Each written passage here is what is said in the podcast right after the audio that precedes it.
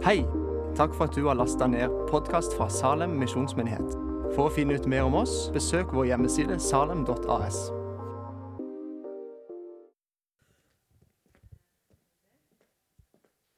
Hallo. Der, vet du. Tusen takk, Camilla. Det er så gøy med unge, friske møteledere, syns jeg. Det er veldig herlig at noen hiver seg på. Når vi tar godt vare på dem.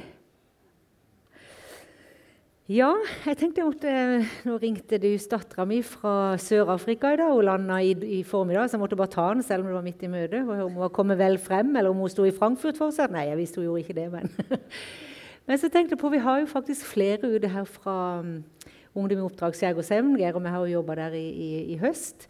Så vi har fem i Israel, som er i Jerusalem nå, på Jerusalem House of Prayer. Så der har vi Eh, Ruth Mathea og Kenneth og Ingvild og Tor André. Og så har vi Roger. Så de står på der og hjelper til med både Kings Kids-arbeid, og de velsigner messianske jøder, og de jobber blant arabiske kristne og ikke-kristne arabere. Og de står på kjempemye. Så nå har de hatt tre uker i Jerusalem, så skal de til Tel Aviv, og så skal de til Tiberias før de ender opp i Jordan og skal undervise på en bibelskole ei uke. Så ikke herlig? Og Selina og Sebastian Ribe de er i Sør-Afrika. Så de har med seg en gjeng å, Jeg blir litt rørt, ute, for det er jo så herlig å få rapporter fra dem. Vi har et team fra Malawi, eller ikke fra Malawi, men de er Malawi, og ifra også i um, Nepal og India.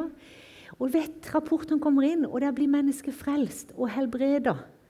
Og de står på med nødhjelpsarbeid og virkelig gir ut evangeliet til hundrevis, flere tusen mennesker nå i løpet av åtte uker. Så på en måte så følger jo Salome med på dette her. Og vi har ikke mindre enn da syv som er tett på oss, som er sendt ut eh, disse ukene, og får lov til å bety faktisk en stor forskjell. da. Så det, det, er jo fint. Det er jo herlig. fordi eh, det er både noe med at eh, temaet her, hans føtter på bakken, det dreier seg om gudsmøte. Og dette er jo ungdom, har, uh, ungdom og voksne vil jeg si, som har møtt, møtt Gud. Og så har, har beina fått uh, fart på seg, holdt det på seg, og de har lyst til å gå ut med evangeliet til nasjonene. Og det er jo gudsmøtet som har gjort at evangeliet har bredt seg og utvida seg i 2000 år. Det er ikke ord, gode tanker, men det er jo konkrete gudsmøte mellom Jesus og enkeltpersoner. Det er liksom hele drivhjulet på evangeliet. Det er hele drivhjulet på, på Guds rike. Det er at, at det er enkeltpersoner som får åpne øynene sine, som får se hvem Jesus er. Og Det er jo det som teksten handler om i dag. Og Vi skal lese det fra Apostelens gjerning 9, eh, fra vers 1. Og jeg leser faktisk helt til vers 18. Så står det Saulus raste fremdeles mot Herrens disipler og truet dem på livet. Han gikk til øverstpresten og ba om brev til synagogen i Damaskus for å kunne finne dem som hørte til veien, både menn og kvinner, og føre dem i lenker til Jerusalem. Underveis da han nærmet seg Damaskus, strålte plutselig et lys fra himmelen omkring ham. Han falt til jorden og hørte en stemme som sa, 'Saul, Saul, hvorfor forfølger du meg?' 'Hvem er du, Herre?' spurte Saul og svaret lød, 'Jeg er Jesus, han som du forfølger.' Men reis deg nå og gå inn i byen. Der vil, jeg, der vil noen si deg hva du skal gjøre. Mennene som fulgte ham, sto målløse. De hørte stemmen, men så ingen. Saulus reiste seg og åpnet øynene, men han kunne ikke se. Så de tok ham i hånden og leide ham inn til Damaskus. I tre dager var han uten syn, og han verken spiste eller drakk. I Damaskus bodde en disippel som het Ananias. I et syn sa Herren til ham, 'Ananias.' Han svarte, 'Her er jeg, Herre.' Og Herren sa, 'Gå bort i den gaten som kalles Den rette, og i huset til Judas skal du spørre etter Saulus fra Tarsos.' For se, han ber. Og han har hatt et syn og sett en mann som heter Ananias, komme og legge hendene på ham, så han får syn igjen. Men Ananias svarte, 'Herre, jeg har hørt mange fortelle om den mannen' 'og alt det onde han har gjort mot dine hellige i Jerusalem.' Og nå er han her med fullmakt fra overprestene for å legge lenker alle som påkaller ditt navn. Men Herren sa til ham, Gå, for jeg har utvalgt ham som mitt redskap til å bære mitt navn for hedningfolk og konger og for Israels folk. Og jeg skal vise ham alt han må lide for mitt navns skyld. Da gikk Ananias, og han kom inn i huset, la hendene på ham og sa, Saul, min bror, Herren selv, Jesus, som viste seg for deg på veien hit, han har sendt meg for at du skal få syne igjen og bli fylt av Den hellige ånd. Straks var det som et skjelv falt fra øynene hans, og han kunne se. Han sto opp og ble døpt. Så spiste han og kom til krefter. Han ble noen dager hos disiplene i Damaskus. Her har vi altså Saulus, som var en utrolig type. Han var jo regna som uklanderlig etter loven. Han må jo ha vært en mann med karakter av det sjeldne.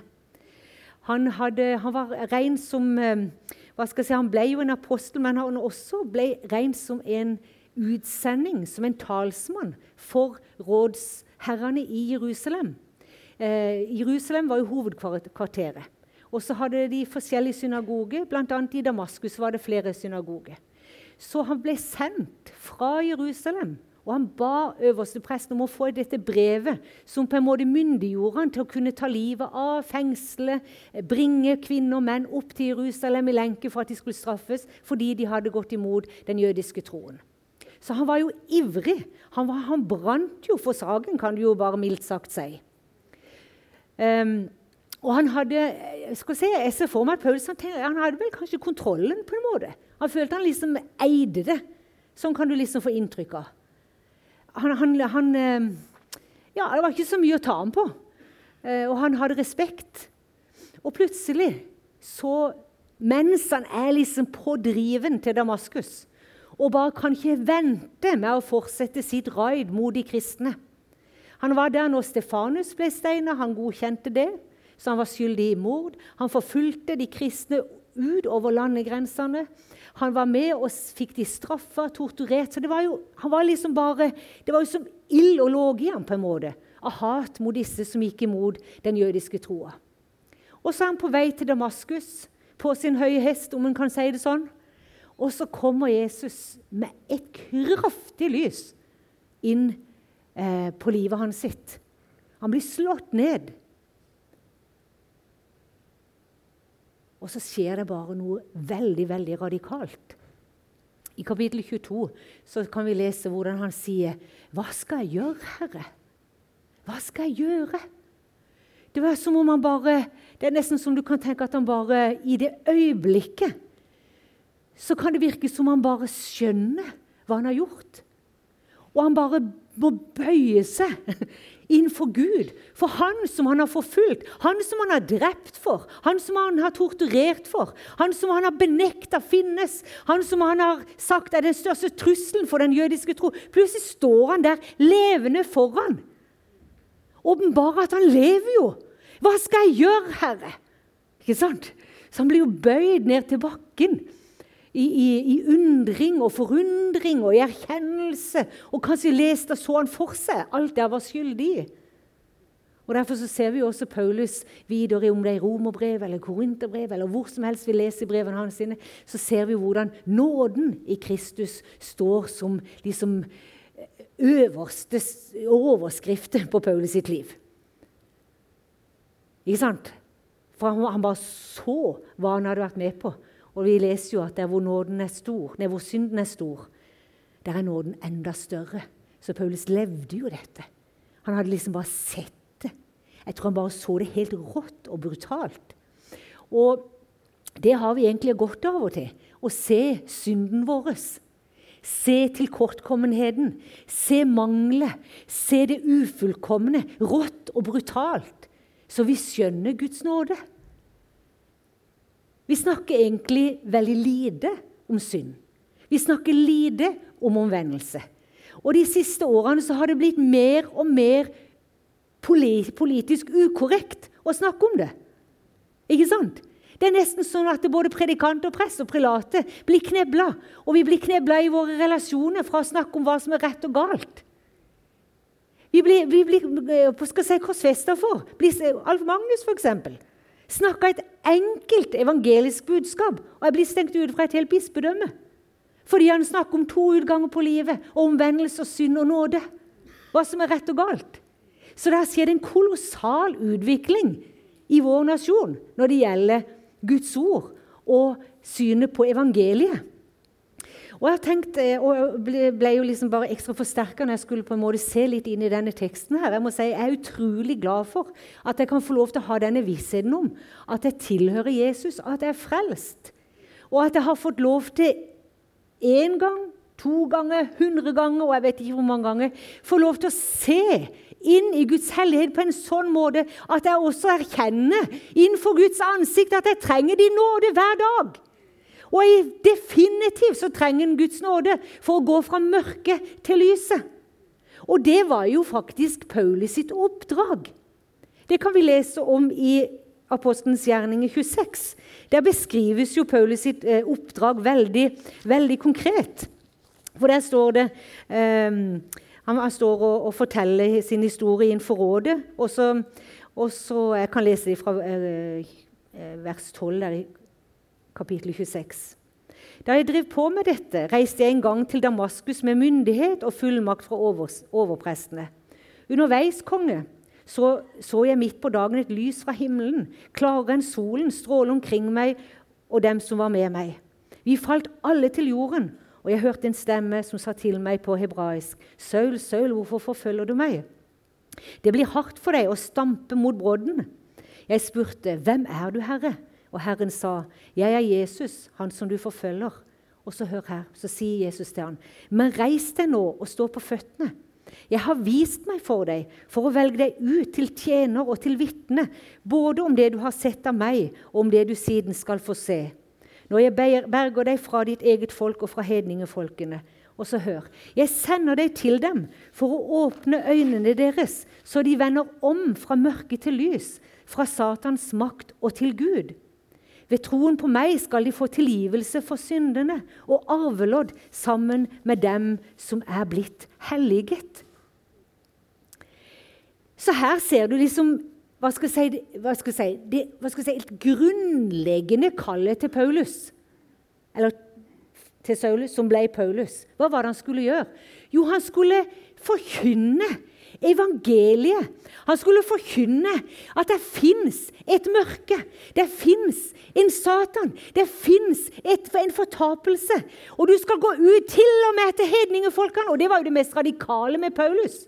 At de han bare skulle forkynne for jøde, jøde, jødiske folk. Han skulle forkynne til alle mennesker. Og Han reiste jo til Italia, til Syria, han reiste jo rundt i hele Midtøsten og forkynte evangeliet til alle folk. Og hva var evangeliet? Jo, dere må gå! Dere, han ropte. Han var nidkjær vet du, når han forkynte evangeliet, som han var når han drev og forfulgte de kristne. Om enn kanskje enda mer. Så han ropte jo ut på gate og strede, fra synagoge til synagoge, fra den ene, ene hva skal jeg si, for, ugudeligheten til den andre. Så ropte han ut dere må vende om fra mørket og komme inn i Guds lys. Dere må omvende fra synd og bli helliggjort i Kristus. Jeg har vært her, nå er jeg her. Jeg har møtt den oppstandende, jeg har sett den levende. Dere må se, dere må komme. Ikke sant? Dere må omvende dere. Det fins ingen synd dere ikke har tilgivelse for, men dere må omvende dere. Og vet Kampen som skjer i Norge i dag, det er ikke noe jeg tenker, det er skal si, dypest sett et angrep på evangeliet. For i så mange henseende så er det Jesus gjorde på korset, tilintetgjort på sett og vis. For det er ikke noe nesten som er rett og galt. Og det fins for de fleste, og for veldig mange, så fins det ikke to utganger på livet.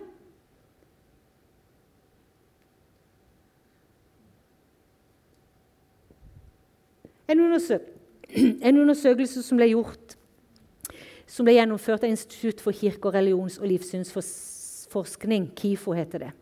Det var en stor befolkningsundersøkelse. 4000 personer eh, var med i undersøkelsen. Og, her er, og blant annet så ble spørsmålet stilt hva tror du skjer etter døden. Nesten halvparten, 48% svarte at de tror at det ikke er noe liv etter døden. 9 sier at ikke de vet. 27% svarer at de tror at det fins noe etter døden, men de vet ikke hva. Bare 5% tror på to utganger etter døden. Folkens, hva har skjedd? Hva har skjedd i Den kristne kirke? Hva har skjedd med meg? Hva har skjedd kanskje med oss?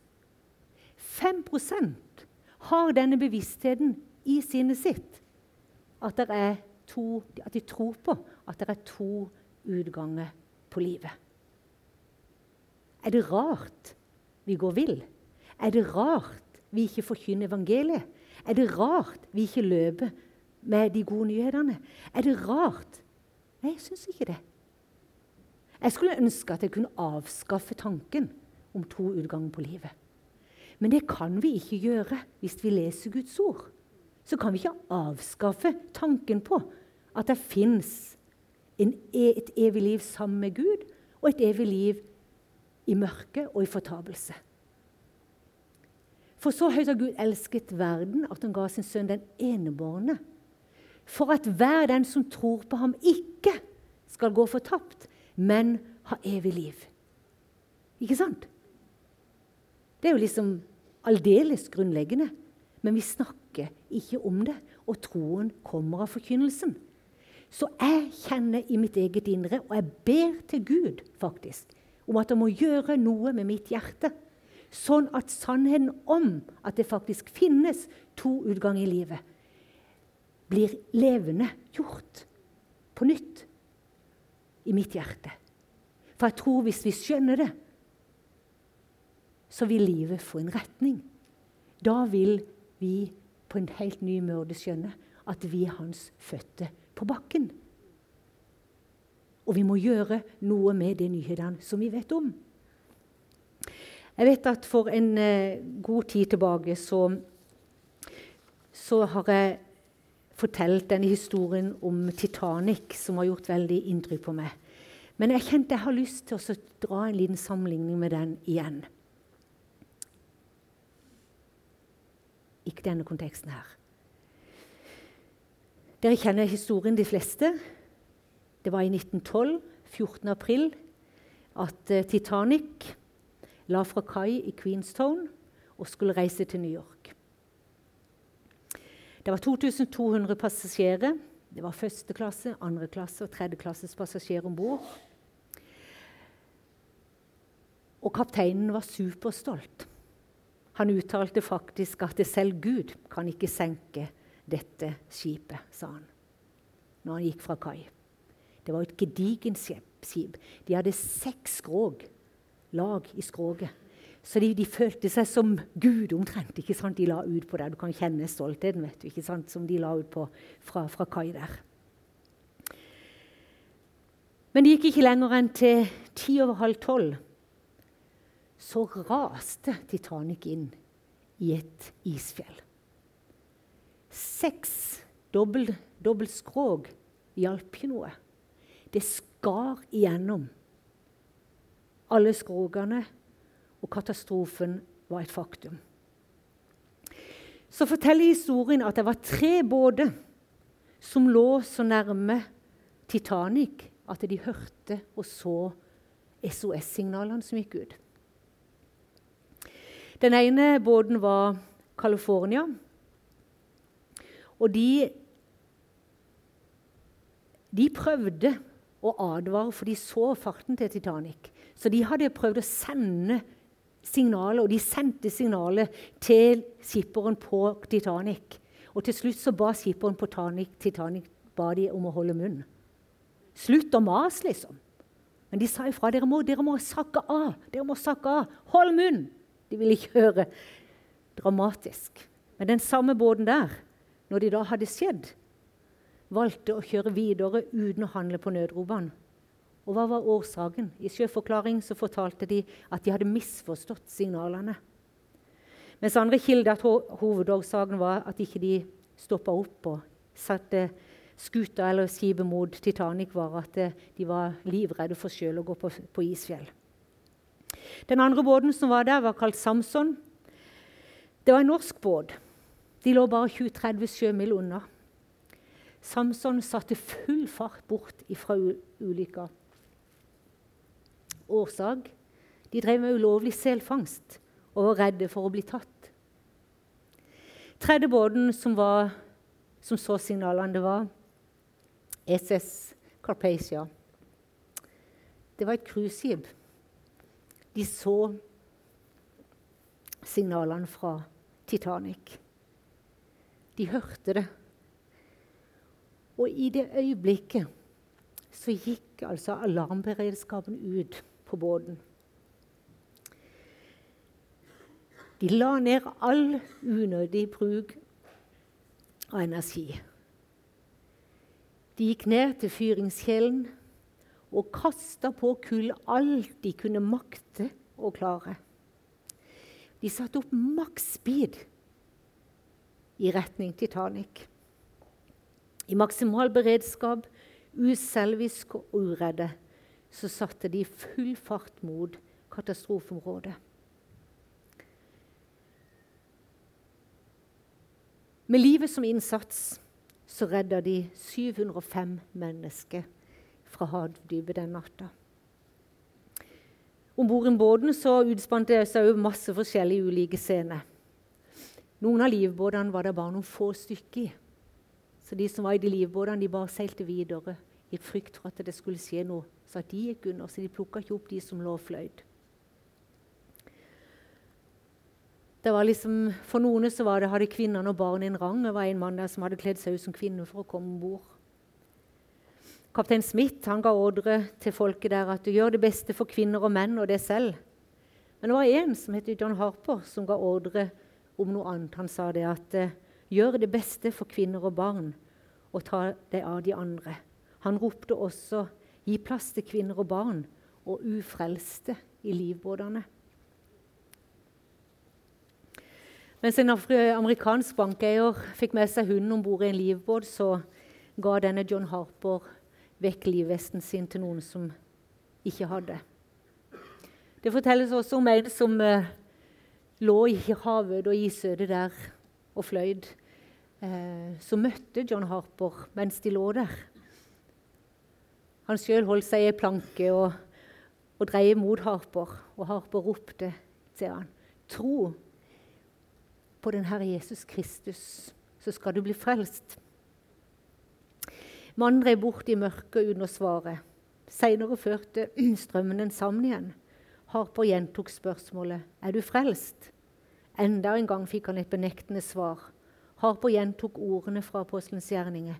Tro på den Herre Jesus Kristus, og du skal bli frelst.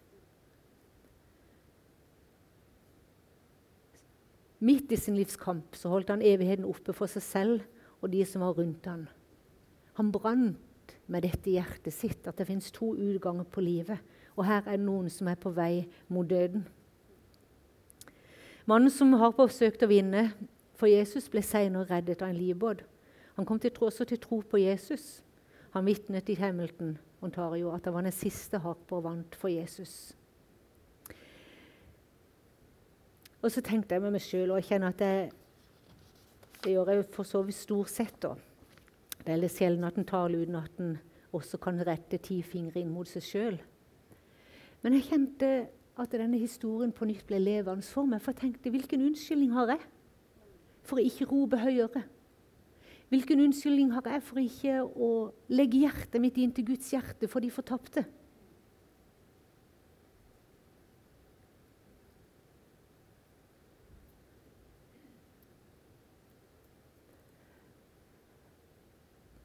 Det gikk ut et SOS-rop fra Titanic. Men vet det går et kontinuerlig SOS-rop ut fra himmelen om at det har skjedd en katastrofe. Og det er tusenvis av mennesker som er på vei til fortapelse. Mens vi sitter som Carpathia med muligheten til å redde én og én Kanskje ikke vi føler vi kan redde 100. Kanskje ikke vi tenker at jeg kan stå i som en evangelist og, og, og kaste store garn. Men vi kan alle be for én. Vi kan alle snakke litt med én. Vi kan alle elske én eller noen. Med dette på, på, si, på innsida av hjertet vårt. Vi kan ikke stå med, kanskje med store plakater, jeg pleier å si det, for det er liksom ikke det som er tanken, at vi skal skrive, svære plakater. Men det har noe med at du og meg bærer evigheten i hjertet på en sånn måte at livet vårt dras i retning av at mennesket må bli frelst. Mennesket må komme i møte med Jesus. De må få dette gudsmøtet som gjør at skallet for øynene ramler av. Og vi er hans fødte. Paulus ble Guds fødte på jord. Han var den som, som, som brakte evangeliet ut gjennom dette møtet med den levende Gud. Mellom at han sa til dette her, Han fikk en helt ny teologi. ikke sant? Det han hadde trodd på før, det var ikke bredt nok, høyt nok, langt nok, hvitt nok. Det kom absolutt til kort mot dette enkle evangeliet. At dere må gå ut og forkynne at mennesket må gå fra mørke til lys.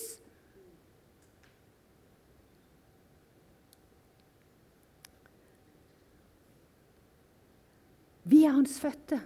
Vi er hans munn. Vi er hans hjerte. Vi er de som må høre himmelens SOS for de menneskene som vi omgås hver dag. Noen reiser ut, noen på en måte har en tjeneste som spesielt går på disse tingene. Men vi alle er jo sendt ut til en verden som SOS-ropet går kontinuerlig. Ananias, han ble kalt av Gud til å gå til Saulus og hva er det Jesus sa? Han ber.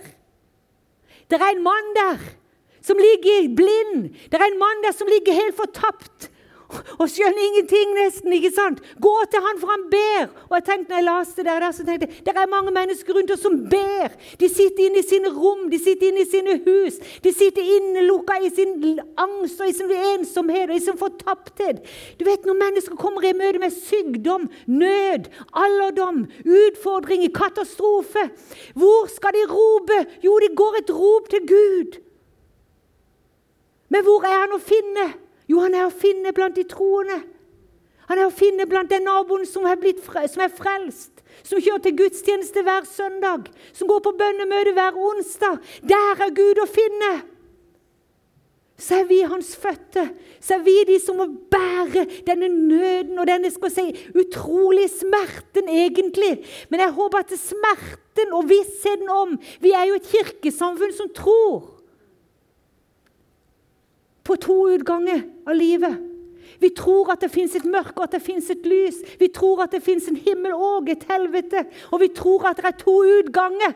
Velger mennesker å leve uten Gud i denne verden, ja vel, så lever vi også uten Gud i den neste. Og det er jo til å bli helt knust av bare med tanken.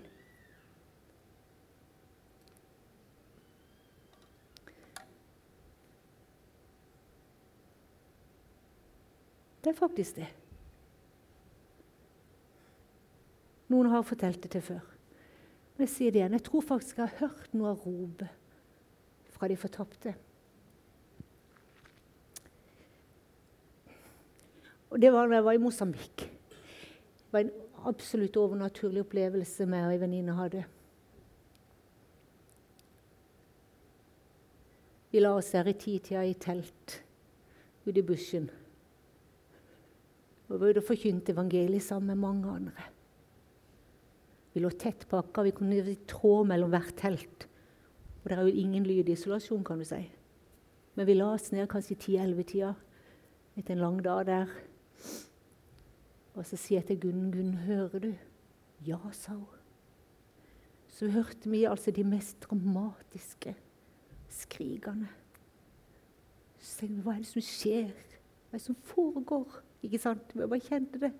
Og så var vi jo helt inne i bushen. Der er jo ikke lys, der er jo ingenting. Så vi kunne, jo ikke gå ut og begynne å leide i hyttene. Hva er det som skjer, liksom? Så vi lå og sukka og ba gjennom hele natta. Og gjennom hele natta, helt sånn frekvense, så kom de dypeste ropene og smerteskrikene. Så sto vi oppe i 5-60-tida, eller 60 kanskje, og så så spurte vi de andre hva var det som skjedde i natt. Nei, det hadde ikke skjedd noe i natt. Ja, hørte dere noe? Nei. De hørte ingen, ingen av de kanskje 50-70 som vi var der, hadde hørt noe som helst. Og det er ikke mulig. Det er overhodet ikke mulig. Det begynte før folk hadde sovna, og holdt på gjennom hele natta. Høye rop.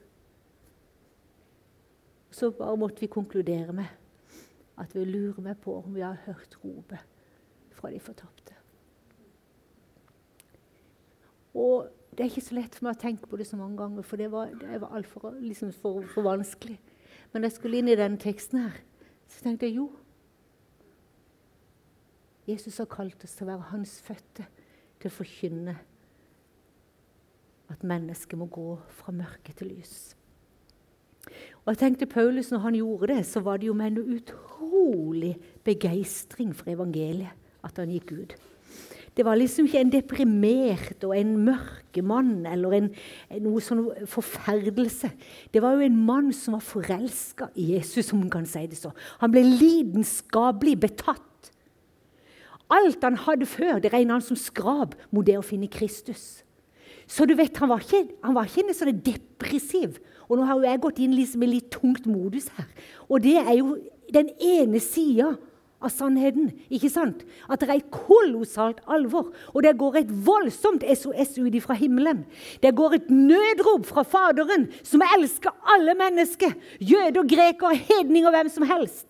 Det går et kjemperop ut fra en fars hjerte om at alle mennesker skal bli frelst. Og hva er middelet? Jo, gudsmøte, mitt og ditt gudsmøte med den levende Gud, som gjør at vi får hendene til å virke, som får føttene til å gå, hjertet til å slå, øynene til å se, ørene til å høre etter de som er fortapt, men som trenger å høre den Jesus som du og meg har møtt. Den Jesus som vi har sett den Jesus som har tilgitt oss. Den Jesus som har invadert livene våre. Den Jesus som har satt sinnet vårt på plass. Den Jesus som har lekt våre sår. Den Jesus som har gitt oss håp for fremtida. Den Jesus som har gitt oss visshet om at det fins et liv etter døden sammen med Gud. Og der skal jeg være sammen med Han. Ikke sant? Så jeg håper hver og enkelt og en her kjenner at du er sikker på at du tilhører Jesus. For Jesus har gitt oss sitt ord for at vi skal vite at vi er frelst. Ikke sant? Og hvis det ikke du vet i formiddag, så skulle jeg ønske at du gikk ut som ei danseløv altså, ut av dette rommet. Med den vissheten og med glede og begeistring at i dag så har jeg tatt imot Jesus som min redningsmann og frelser. Moder Teresa sitt kall var fra Jesus. Før meg ut i de fattige skur. Vær mitt lys. Hun sa også hvis du ikke kan gi mat til 100, gi mat til én. La oss se etter de som ligger i vår tids isøde. La oss se etter de som flyter på sine livsplanker rundt oss. La oss se etter de som er tørste. Vi kan mange ganger stoppe opp i møte med mennesker fordi de virker så tilfredse. Og en del er jo faktisk ganske tilfredse enn så lenge. Ikke sant? Men er, på samme tid er det mange som er ensomme. Det er mange som er tørste. Det er mange som er syke. Det er mange som går med bot og anger og skyld og skam og mindreverdighet og alt vi kan tenke oss. De bærer det hver, hver dag i sitt livshav. Og her er vi, som vi ser for oss at vi er en Carpacia, eller om vi er en liten robot. Men det er samme det. Om du har to årer, ro. Om du har en svær motor og kan ta 700 om bord, greit, kjør på! Ikke sant? Om du har en kajakk med to hull eller kano, er det plass til én til, få de opp! Betyr ingenting, liksom. Hvilken redskap? Bare få noen opp fra det isødet, tenker jeg. Og forkynn, rop, lev, vis hvem den Jesus som du har møtt, er, og som han også kan bli for de som er rundt oss. Fantastisk med Alfa, Marit. Beundre motet ditt og stå på kraften din. Og jeg tenker, Nå har vi 16 mennesker som, som har lyst til å bli bedre kjent med Gud. Så la oss be for dem. La oss uh, jobbe fram til neste alfakurs om å få med enda flere. La oss kjenne oss sendt ut til en verden som roper etter det som vi har fått lov til å ta imot. Og la oss høre ropet, SOS-lyden fra himmelen, og la oss legge øret på marka vi står og bor på så vi kan høre oss rope nødropene. Hjelp, jeg går under. Hjelp, hjelp, hjelp. Ikke sant? For det, det er jo en, midt imellom der en enorm glede, men også en enorm skal si, utfordring både å kjenne Guds hjerteslag, og også kjenne hjerteslagene til de vi bor sammen med og bor rundt og jobber med og treffer hver eneste dag. For så å møte de, for skal si, føre dette sammen til et møtepunkt mellom himmel og jord, mellom Gud og menneske. Men det er det vi er kalt til. Uansett hvordan min og din båt ser ut, uansett personlighet, uansett yrke, bakgrunn, så er vi kalt til å gå ut. Alle om bord var kalt til å hjelpe de andre som holdt på å gå under.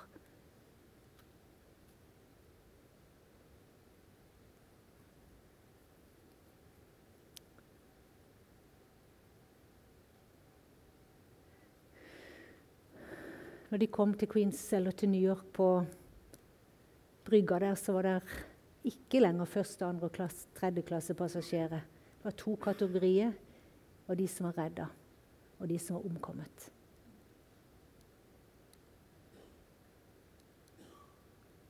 Vi er kalt til Gud til alle. Første klasse, andre klasse, tredje klasse. Kanskje tredje klasse. De som vi fort går forbi. De som vi kategoriserer som ikke er blant oss. Kanskje de er de mest tørste. Eller kanskje du har en spesiell velsignelse til å være blant de som i verden kalles førsteklasses. De velstående, de velutdanna. Det er jo noen oppgave i seg selv å bringe de til Kristus, sånn som Paulus også fikk gjøre etter dette nydelige gudsmøtet som forvandla faktisk alt. Amen. Nå skal vi eh,